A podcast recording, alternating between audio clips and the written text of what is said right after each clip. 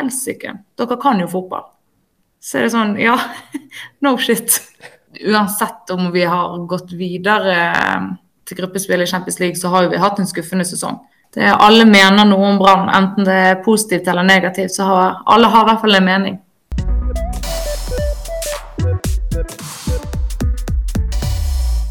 Hallo, hallo, og velkommen til nok en episode av Mer enn 442, en podkast av og for jenter i fotballen. Mitt navn er Silje Mese, jeg jobber som medieansvarlig i Toppfotball Kvinner. Og med meg har jeg endelig tilbake Cecilie. Yay! Kjekt å være her igjen. Vi har ikke bare med oss én Cecilie i dag, vi har med oss to. All the way from Bergen. Hei, Cecilie. Hei, hei. Cecilie vil komme. Kan ikke du introdusere deg selv?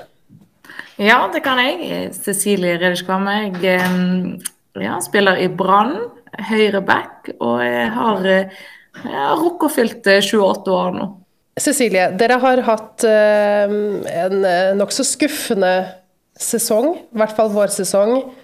Og så har dere tatt dere opp nå på høsten. Uh, dere har ikke bare tatt dere et historisk gruppespill i Champions League, men dere har faktisk vunnet to av to gruppespillskamper. Mm. Beskriv følelsen av å være brann akkurat nå. Ja, den er i hvert fall eh, sykt mye bedre enn det han var i vår. Eh, det er som du sier, vi hadde en veldig dårlig vårsesong. Eh, og så er det mye som endret seg i sommer. Eh, og nå om dagen så ja, går smilet nesten rundt. Det er helt fantastisk og sykt gøy å være med på den reisen vi har. Altså Gårsdagens kamp mot Slavia Praha, nok en seier. Hvordan var følelsene inn mot kampen? Um, altså, vi vet jo at hvis vi skal på en måte klare å komme oss videre i dette gruppespillet, så var jo den kampen i går um, samt returoppgjørene veldig viktig for oss. For, for, vi er jo klar over at Lyon er et uh, ekstremt bra lag. Um, så det er klart at vi visste, visste før kampen i går at den var veldig viktig. Um, samtidig så begynner vi å få erfaring med å spille viktige kamper. Og jeg syns vi er utrolig god eh, til å mobilisere, og kanskje egentlig spesielt eh, før disse eh, europakampene. Men dere har jo også havnet i en gruppe som, som gjør det mulig å ta dere videre. Hvordan er følelsene på det? Ja, altså vi kunne jo ja, Vi kunne jo ikke valgt eh, en bedre gruppe eh, enn det vi trakk, eh, hvis vi skal ha noe som helst muligheter til å gå videre.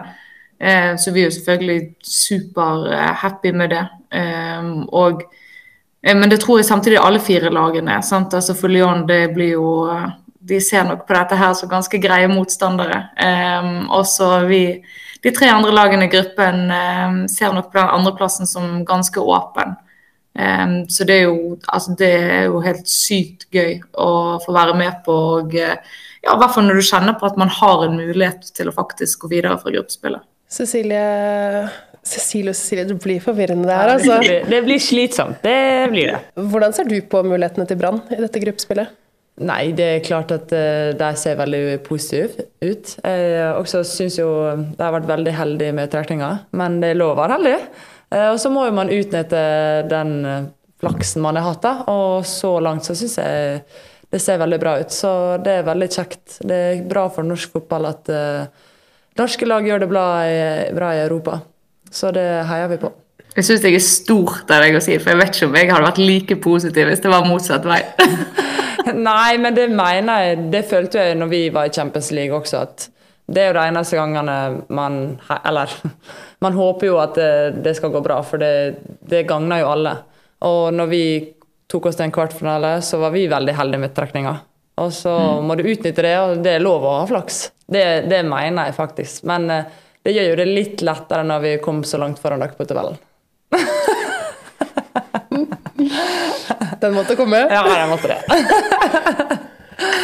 jeg syns ja. det har vært stille fra dere, for jeg vet at uh, hvis rollene hadde vært snudd, så tror ikke jeg uh, denne bergenseren her hadde vært eh, så høflig som du har vært. Men det er jo et, eh, et, eh, en ku da, inn til eh, neste spørsmål her. Den vårsesongen deres, mye i hvert fall, vårsesongen har jo ødelagt deres sjanser for europaspill neste år. Det eneste mm. muligheten er å vinne Champions League. Eh, nå har jeg veldig troa på dere i gruppespillet, men jeg tror kanskje det er litt hårete mål å skulle vinne hele turneringa. Hvordan er følelsen fra å gå fra å vinne the double til å på en måte ikke vinne noen ting, ikke ha muligheten til Europa? Eh, er det en følelse av bitterhet, eller hva, hva sitter du med? Ja, um, for det ble så voldsomme kontraster. Um, og så er det jo klart at uh, det er jo helt sykt irriterende at den elendige vårsesongen vår gjør at vi ikke har hatt muligheten til å kjempe om uh, topp to i toppserien uh, i år. For vi har jo gjort en, vi har hatt en bra, en bra høstsesong, men vi kom i gang altfor seint. Eh, men akkurat nå så prøver jeg heller å nyte der vi er. Og så tror jeg nok at jeg kommer til å kjenne veldig på det når høsten kommer til neste år og vi ikke får være med på dette her. Men syns du på en måte dere slipper litt billig unna eh, sånn utad, da? Hvis du ser sportslig, ikke cupfinale og ganske mange poeng bak toppen, eh, så har ikke dere fått så mye kritikk som kanskje man burde ha gjort pga. Champions League? Eller hva tenker du om det? Mm, ja, jeg holdt jo meg ganske mye unna media. Altså jeg leste veldig lite media i vår, da. For jeg eh, vet jo at ikke det på en måte var så veldig mye positiv omtale da.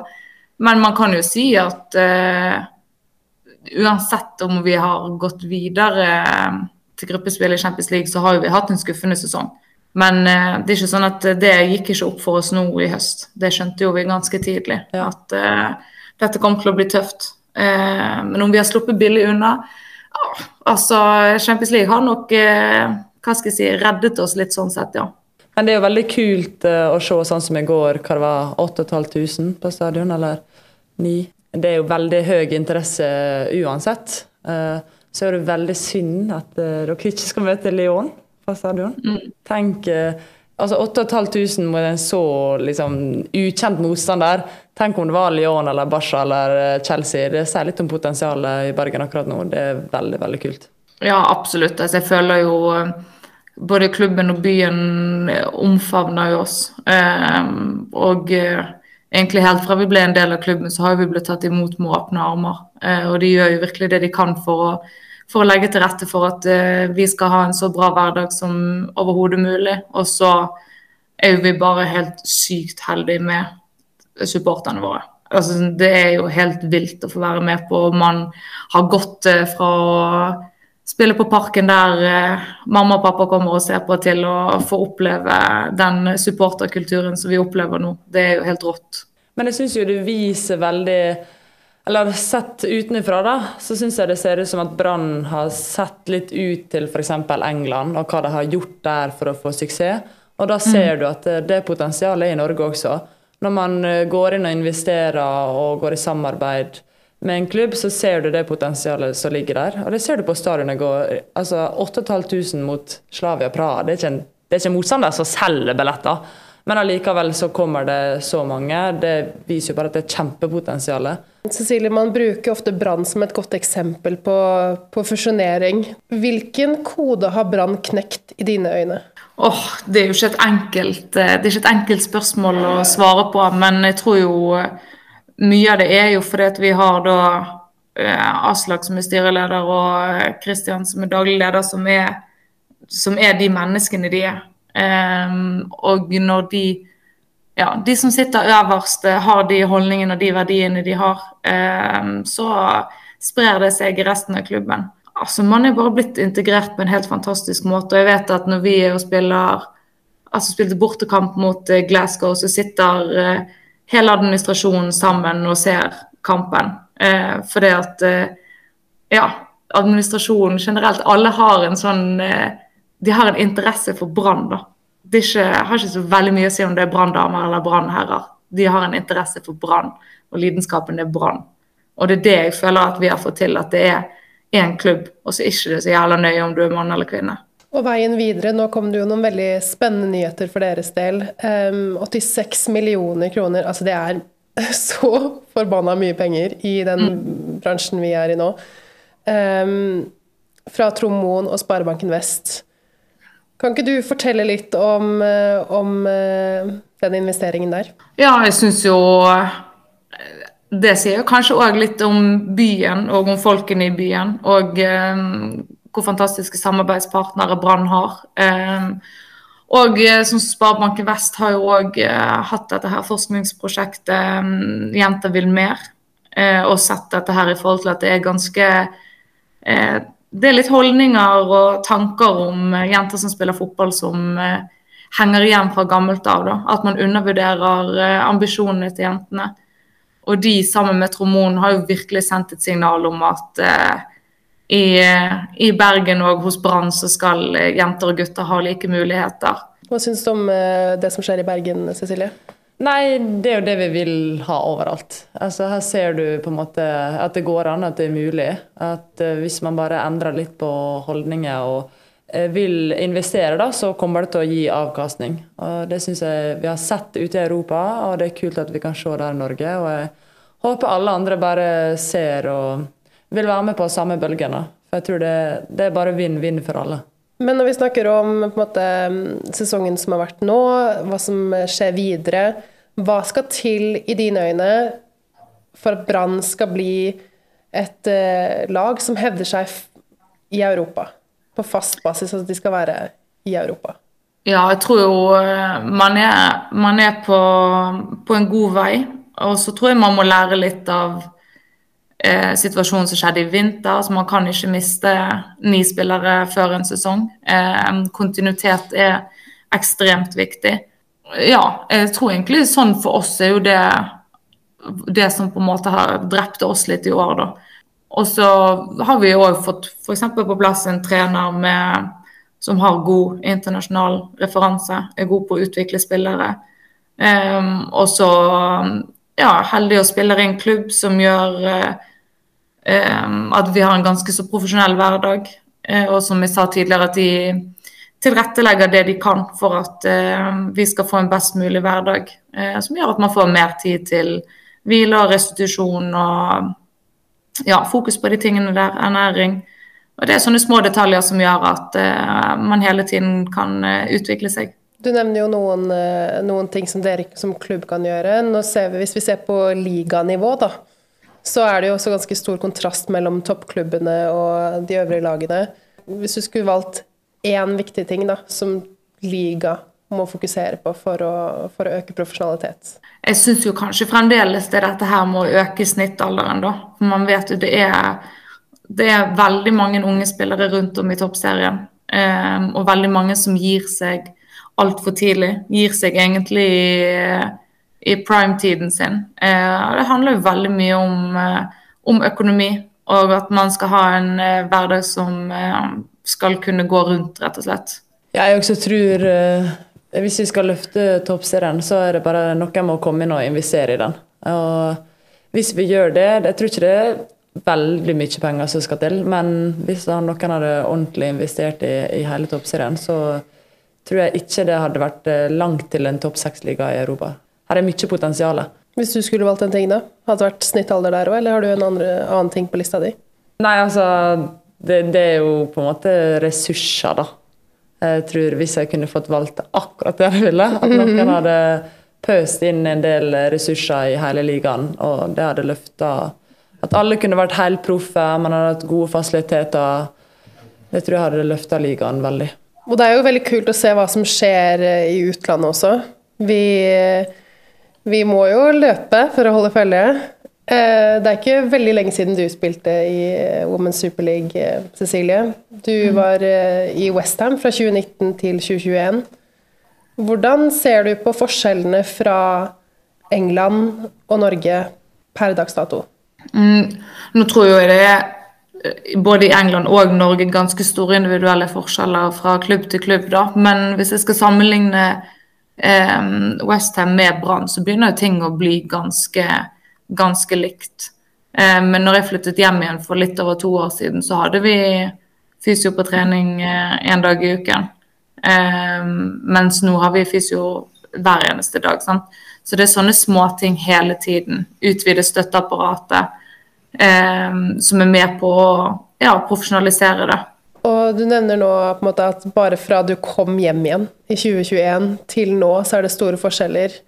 Hvordan, Hvis du skulle sammenligne på en måte før du dro ut, og nå?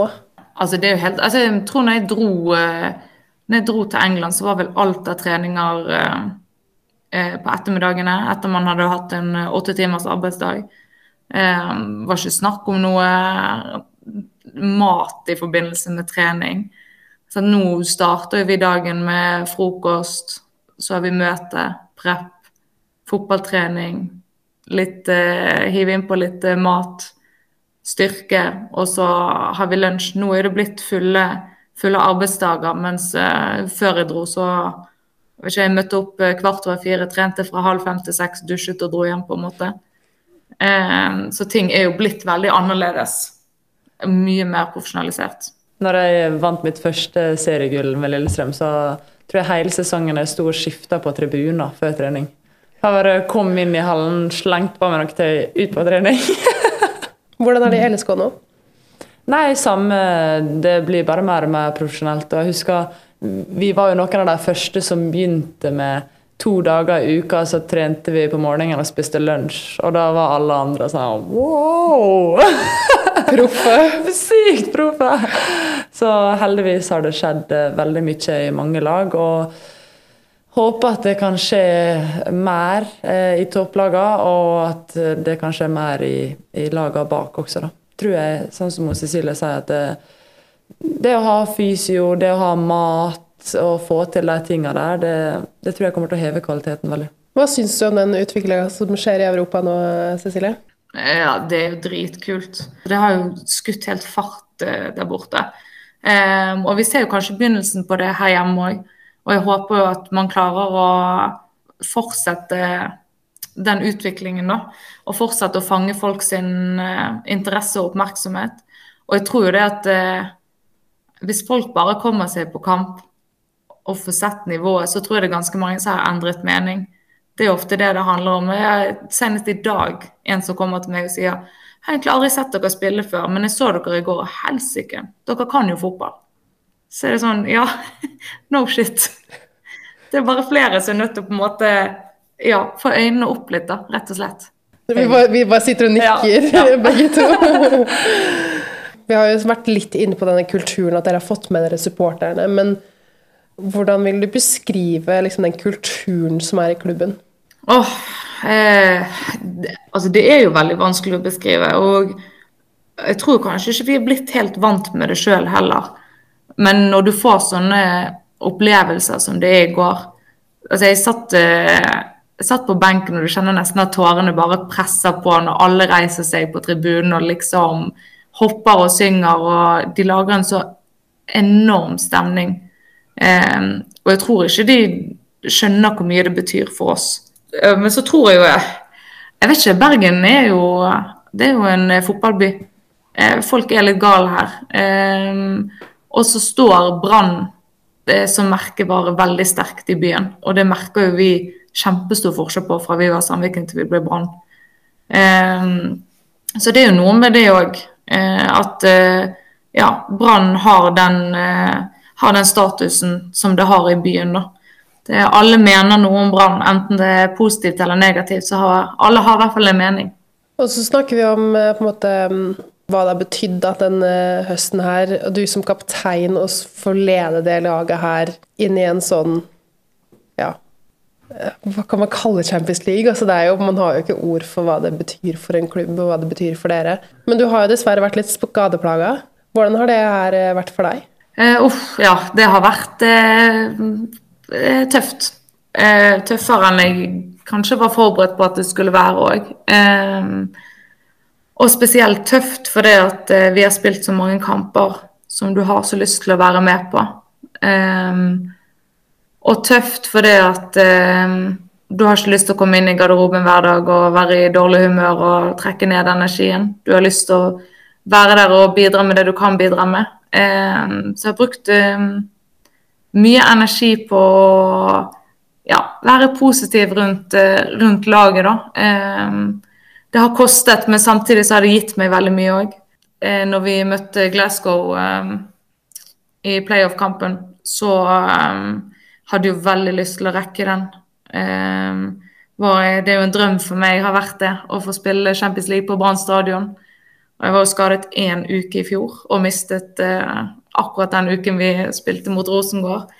Eh, så det var litt sånn eh, Vi vant jo, vant jo, de kampene mot Glasgow og eh, sikret oss plass i gruppespill i Champions League, som selvfølgelig var en drøm som gikk i oppfyllelse. Men jeg opplevde jo òg at min drøm om å få spille Champions League på Brann stadion ble knust. Eh, så det var en ganske sånn eh, følelsesmessig eh, tung dag. Hvordan var det da å få komme innpå i går? Ja, det var jo Altså, jeg måtte jo kjempe mot tårene i de 30 minuttene jeg spilte. Eh, og så, når jeg hører supporterne synge navnet mitt etter kampen, så klarte jeg ikke mer. Da begynte tårene å drille. Eh, og det er jo noe når man har jobbet noe, mot noe veldig lenge, og man endelig får oppleve det, så er det spesielt etter man kanskje har fått eh, akkurat den drømmen knust to ganger, da, og så endelig få oppleve det. Eh, det går ikke an å sette ord på. Nei, det må jo være helt enormt. Jeg, jeg klarer ikke sette meg inn i den følelsen av å stå der, eh, stå der som utøver foran en sånn, sånn gjeng. Nydelig. Nydelig. Det er ikke noe bedre beskrivelse for det. Men Cecilie, i Brann så har jo du også valgt å involvere deg på andre vis. Du er jo med som trener for gatelaget til Brann. Ehm, hvorfor valgte du å, å, ta del i det prosjektet? Jeg har alltid likt å ha noe å gjøre ved siden av fotballen. Um, og når jeg fikk muligheten til å være med med gatelaget, så ja, jeg klink ja fra min side. Jeg syns det er helt fantastiske mennesker å omgås med. Og jeg kjente egentlig spesielt på det i vår, når ting uh, var drit. Uh, og fotball uh, påvirker egentlig alle aspektene av livet. Um, så det å ja, komme der til frokost en torsdagsmorgen og det første du blir møtt av, er fire bamseklemmer og 'dette snur, dette ordner seg'. Eh, da tror jeg eh, jeg trengte de mer enn de trengte meg. Og så Ja. Så for oss handler det jo om å prestere best mulig, ta flest mulig poeng, vinne flest mulig kamper. Eh, for de handler det om at det, det er samhold på ekte. Det er, en, eh, det er et sted å komme til. Eh, det er et sted eh, der man uh, hører navnet sitt. Du har folk som kan gå en hel uke uten at uh, man omtrent hører navnet sitt høyt. Ja, det er et sted der man bygger trygge, fine, gode relasjoner. så du får se mye mer den delen av fotballen der, da. Men det er jo veldig fint. Jeg tror jo ofte, egentlig alle, men kanskje spesielt vi egoistiske toppidrettsutøverne, har godt av å zoome litt ut og få se litt ting i perspektiv. Og sånn som hun sier, når det, spesielt når det går dårlig, at man kan få sett litt ting i perspektiv og bare sånn Ja, vi tapte en kamp, men det, det kommer en ny kamp, liksom. Så det tror jeg mange har hatt godt av. Men selv om det går veldig bra med Brann, så er det andre kjedelige ting som skjer i Bergen. Eh, Arna-Bjørnar rykket ned fra toppserien etter eh, ja, så mange eh, sesonger i toppserien. De har spilt der siden 1997, med, med unntak av én sesong eh, nede i 2005. Du har jo spilt der i sju sesonger eh, selv, Cecilie. Hvordan er det å se klubben rykke ned nå? Nei, det er jo, eh, det er jo klart at det er vemodig. Jeg hadde jo aldri sittet der jeg sitter i dag, hadde ikke det vært for Arne og Bjørnar. Og det er det veldig mange andre spillere som òg eh, har det på den måten. Du kan se på ja, Maren Mjelde i Chelsea, Vilde Bø i, i Spania, Lisa i England. Eh, ja, altså Arne Bjørnar har vært en helt eh, enorm eh, talentfabrikk. Ehm, og de har vært helt Ja eh, enorme på talentutvikling. Eh, og så har jo de fått veldig lite, lite lønn for strevet. Eh, tror ikke de har tjent eh, mange kronene på alle talentene de har utviklet, og det er jo, er jo veldig synd. Altså, Hva er deres tanker om dette med småklubber versus herreklubber som får damelag? Jeg tror jo kanskje på sikt at, eh, at det er litt sånn det kommer til å bli. Jeg vet jo at det er mange, eh, mange klubber rundt om i Norge som satser. Og det er jo kanskje litt den utskiftningen man begynner å se i Stavanger f.eks. Det er vel to år siden Klepp rykket ned fra toppserien. Eh, og nå er de rykket ned til andredivisjon. Eh, og Viking eh, har rykket opp fra andre til første. Jeg blir jo ikke overrasket om det er sånn ja, om det er den utviklingen som fortsetter. da, At det er mer og mer de store klubbene som tar over. Ja, jeg håper det. da. Jeg tror det er den rette veien å gå. For du ser sånn som f.eks. Brann i Bergen, hvor mye det har å si for et helt samfunn. At uh, små gutter og jenter skal ikke ha noe å si, du kan få ha den samme drømmen. Og så tror jeg at selv om topp, eller herreklubbene eller storklubbene eller tar over satsinga på toppen, så skal ikke vi kimse av viktigheten av å ha de andre klubbene rundt. De gjør en enorm jobb og en altså, livsviktig jobb for at toppklubbene skal få kunne holde på sånn som de gjør. Men jeg lurer på en ting, da, siden vi har en bergenser her. Eh, tenker du at det er bærekraftig å ha tre toppserielag i Bergen, eller tenker du det, det holder med to? Ja, det husker jeg var jo litt sånn tema før sesongen òg, når eh, Åsane rykket opp. Jeg håper jo egentlig at det hadde vært plass til tre. Og eh, jeg føler jo òg at vi som klubb begynner å bli attraktive fra, for andre folk òg. Eh, litt eh, østlendinger som nå vurderer å flytte vestover, og før føler jeg at det egentlig bare har vært eh, ja, at man har hatt så mange klubber å velge mellom bort på Østlandet at klubber i Bergen ikke har blitt vurdert. Så, ja, jeg vet ikke, men det viste jo seg i år at ikke, at ikke det var rom for tre lag, da. Jeg, jeg håper jo det. Deilig å slippe en eh, Oslo-tur eh, bortekamp. Ja, det var det jeg tenkte du kom til å svare. Alltid misunnelig på Oslo-lagene som eh, må kjøre en time eller halvtime for å komme på bortekamp. Ja. Nei, Det er veldig, veldig, spennende å se da, hva Arna-Bjørnar klarer å få til i førstedivisjon neste sesong. De har jo også mange spillere på aldersbestemte landslag, så der må man holde et øye åpent. I toppen av, eh, av toppserien så har jo Vålerenga da tatt seriegull. Det sikra de én runde før slutt. De sikra veldig. ja, det er Dessverre. jo et definisjonsspørsmål, det. Men eh, det var jo som forventa før sesongen. Eh, men det var jo ganske close der med Rosenborg en god stund. Hvordan, dere, hvordan vurderer dere den kampen som har vært mellom Vålerenga og Rosenborg denne sesongen? her? Det var vel ikke bare Rosenborg som var med i den gullkampen? Nei, vet du hva. Sorry, den tar jeg. Det var vel et lag til som kunne tatt gull? LSK kvinner. Ja, altså, det er helt sykt. Det er ingen som vil anerkjenne oss. Nei, beklager. Vi tatt gull, vi også. Den tar jeg faktisk. Ja. Hadde vi ikke ja, gull Men altså, ja, vi, vi kunne rana det til oss på slutten der. For å redde meg selv litt, så tenkte jeg liksom på hele sesongen, og da er det jo Vålerenga-Rosenborg Rosenborg Men det, det, det, man må telle på slutten. Ja, det er veldig sant. og der ser du f.eks. både Vålerenga og Rosenborg, spesielt Vålerenga, syns jeg så veldig sterke ut på våren. Og så mm. syns jeg de ikke har sett bra ut i det hele tatt på høsten. Eh, så det er jo De har jo kanskje gjort sånn at eh, vi bak har hatt sjanse til å yppe oss, da. Um, men eh, de står jo på toppen med mest poeng, da, så da må vi bare gratulere med det. du ser kjempefornøyd ut. Ja. Helt sikkert. du, da, hva syns du om Vålerenga den sesongen, Cecilie?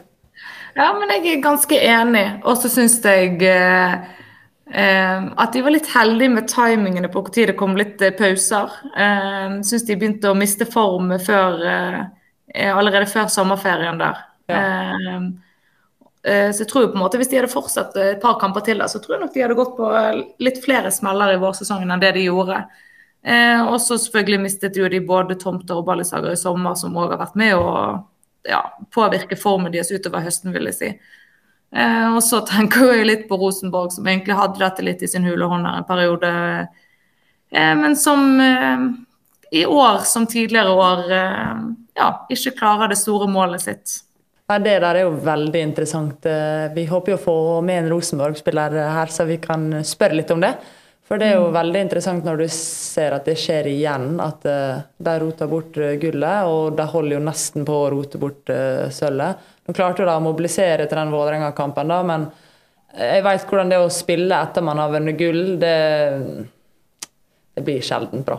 Eh, så ja, det er veldig fascinerende med Rosenborg, det syns jeg. Hva må skje med Rosenborg? Skal de klare å ta ja, Nå skjer jo det igjen, da. Det er jo det som er. altså Når mønsteret gjentar seg, da for det, At det skjer én gang, på en måte, litt tilfeldighet og marginer. Men når det skjer flere ganger, da blir det litt sånn mønster. Og da syns jeg det er veldig fascinerende. at det, eh, om det er på en måte en eh, kultur som har satt seg litt, da, at når presset blir for høyt, så klarer ikke man å levere. Det ser jo du veldig I de klubbene som har hatt mye suksess, så har det vært motsatt. At den kulturen at man vet det kommer til å gå veien. Men kanskje at det har blitt litt sånn, satt seg litt i veggene. at eh, Når det står på som mest, så vet vi helt om vi klarer å stå støtt. Men um, det er veldig interessant å høre hva de, hva de tenker om det, de som har stått i det. Jeg opplever jo litt at uh de er ganske bra når de er i en utfordrerposisjon. Eh, også når de når det er de sjøl som blir jaget, så vet ikke om de blir tatt litt av, tatt litt av alvoret. det som du sier, det har vært veldig interessant å høre fra en, en som er på innsiden, ja. Og så ser du jo, som du sier, det å være i utfordrerposisjon, det har jo dere vært, vil jeg si, Cecilie i LSK. Hvordan har dere sett på høsten? Hvert fall når dere virkelig ser at Vålerenga og Rosenborg begynner å slippe opp litt. Her er det muligheter. Hva gjør det med laget? Nei, vi har vært veldig bra. Jeg syns egentlig hele år, men spesielt på høsten, da. Eh, men vi har vært veldig flinke til å bare ha fokus på oss sjøl. Vi har hatt veldig trua i gruppa på at eh, vi skal ta medalje i år. Det har vi egentlig hatt hele sesongen. Og så må vi være ærlige og si at Rosenborg og mm, Vålerenga slipper jo oss litt inn i gullkampen. Eh, men vi tar muligheten, og så blir jo det en bronse til slutt. Men jeg er veldig imponert over oss, over hvordan vi har stått uh, godt i det. Jeg syns vi kanskje er det laget som har vært mest, et lag hele sesongen. Og spilt liksom som Vi har vunnet som et lag, da. Veldig. Så um, veldig imponert over den jobben som har blitt lagt ned. Og det som er på vei til å skje litt i Lillestrøm igjen, da. Jeg syns at det begynner å finne litt tilbake til ting, både sportslige og utenfor banen, som, som kan minne litt om den tidligere gulltida. Nei, men eh, innmari kult å se hva LSK har fått til. Nå skal vi snart gå videre til, eh, til tabelltipset vårt, som vi kom med før sesongen. Før det så er du nødt til å eh, dra videre, Cecilie. Tusen takk for at du ble med oss. Mye takk for at jeg fikk lov til å være med. Og så ønsker vi lykke til med videre Champions League-spill. Og så blir det jo spennende å se da, om Brann klarer å hente seg opp igjen og, og, starte med et pang fra neste sesong. Vi ønsker lykke til med Champions League, ikke noe mer enn det. Takk for det. vi snakkes. Ha det bra. Ha det bra. Yes, Nå som uh, Cecilie Bergen har uh, forlatt oss, så gjør jeg uh, meg klar for dummedag. Her er det bare å legge seg flatt. Fordi Cecilie har altså gått til meg hele høsten og sagt at hun gleder seg så mye til episoden hun skal være med, og etter at sesongen er endt, fordi mitt tabelltips det stemte jo ikke helt. Det var elendig. For jeg tippet nemlig LSK kvinner på en femteplass. Femteplass! Det ble feil! det kan vi bare si. Og, altså, jeg husker jo når du, når du, gjorde det, og jeg trodde på ekte at du tulla. For jeg følte at det, vi, altså, alle burde i hvert fall ha oss på topp fire, og jeg syns de fleste burde ha eller vi kunne vært på medalje også. Og så tippa oss på femteplass! Jeg vet ikke hvor mange poeng det ble mellom oss og femteplass, Nei, men det er jo ganske mange poeng. Ja, det ble jo det. Ja. Eh, så den tar jeg. Ja. Og hvor tippa du Brann? Eh, andre. Ja. Det var ganske langt unna, det også. Jeg, vi kan jo med trygghet si at jeg hadde ikke så veldig mange på rett plass. Nei. Du er det øverste, da. Vålerenga hadde jeg riktig. Ja. Var det noe mer? Og nederst? Ja, og, og topp Altså bånn tre. Ja, ok, ja. Men det var vel det. Ja. Ja, men uh, jeg tenker jo at uh, neste gang, til neste år da, så er det ikke noe vits å høre på ditt tabelltips. men mitt derimot! det var ikke så verst. Nei, men eh, jeg har sagt det hele veien også. Jeg legger meg helt Ja. paddeflat. Ja. Eh, Og syns det er helt sykt kult hva dere har fått til. Ja.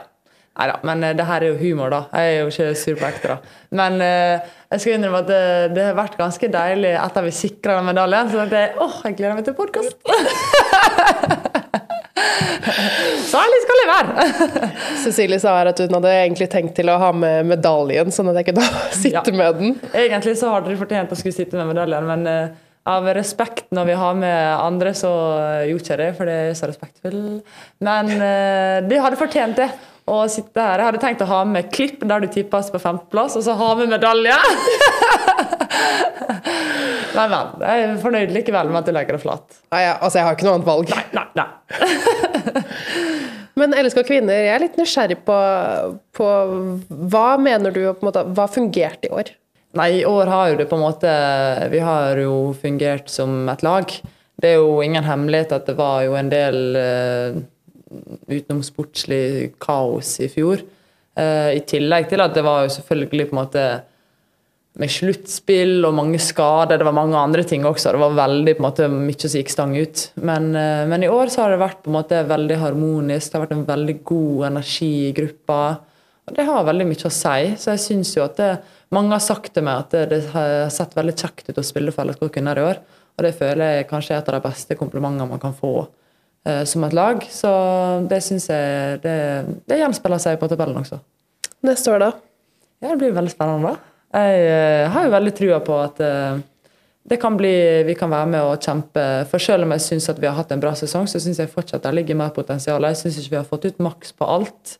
Så det er jo litt deilig å kjenne på det, at eh, vi har vært bra, men det er mer å gå på. Eh, Så jeg tror det blir spennende neste år. Og nå er det jo en samling som venter, for din del. Hvordan, eh, det er ganske viktige kamper dere skal spille nå òg. Ja, veldig, veldig viktig. Altså, alt er kult å være på Ullevål. Sist gang var det mye folk, gangen før var det mye folk, så håper at det kommer mye folk. Det er noe helt eget å, å spille på Ullevål og få være på Ullevål med det publikummet der, så det gleder vi oss veldig til. Og så får du nyte litt ferie etter det. Det trengs, så det gleder jeg meg veldig til. Ja, det blir kjekt. Det har du fortjent nå. Og så håper vi at uh, folket likte episoden. Får litt dypdykk i, i eh, mest brann, litt LSK. Vi håper jo å komme med en episode til i desember, ikke det? Jo, det håper vi. Ja, ja vi får se. Men eh, nei, vi, nå har vi jo lovt å ha med en Rosenborg-spiller, så Ja. det skal vi få til. Det må vi få til. Det, det blir veldig Det er jeg oppriktig nysgjerrig på. Veldig spent på å høre hvordan den høsten har vært på innsida der oppe. Ja, men supert. Da takker vi av. Mer enn 442 kan du høre der du hører podkast. Og så takker vi igjen Fotball-TV for produksjon, og Toshi som sitter her og passer på oss. Vi snakkes. Ha det. Ha det.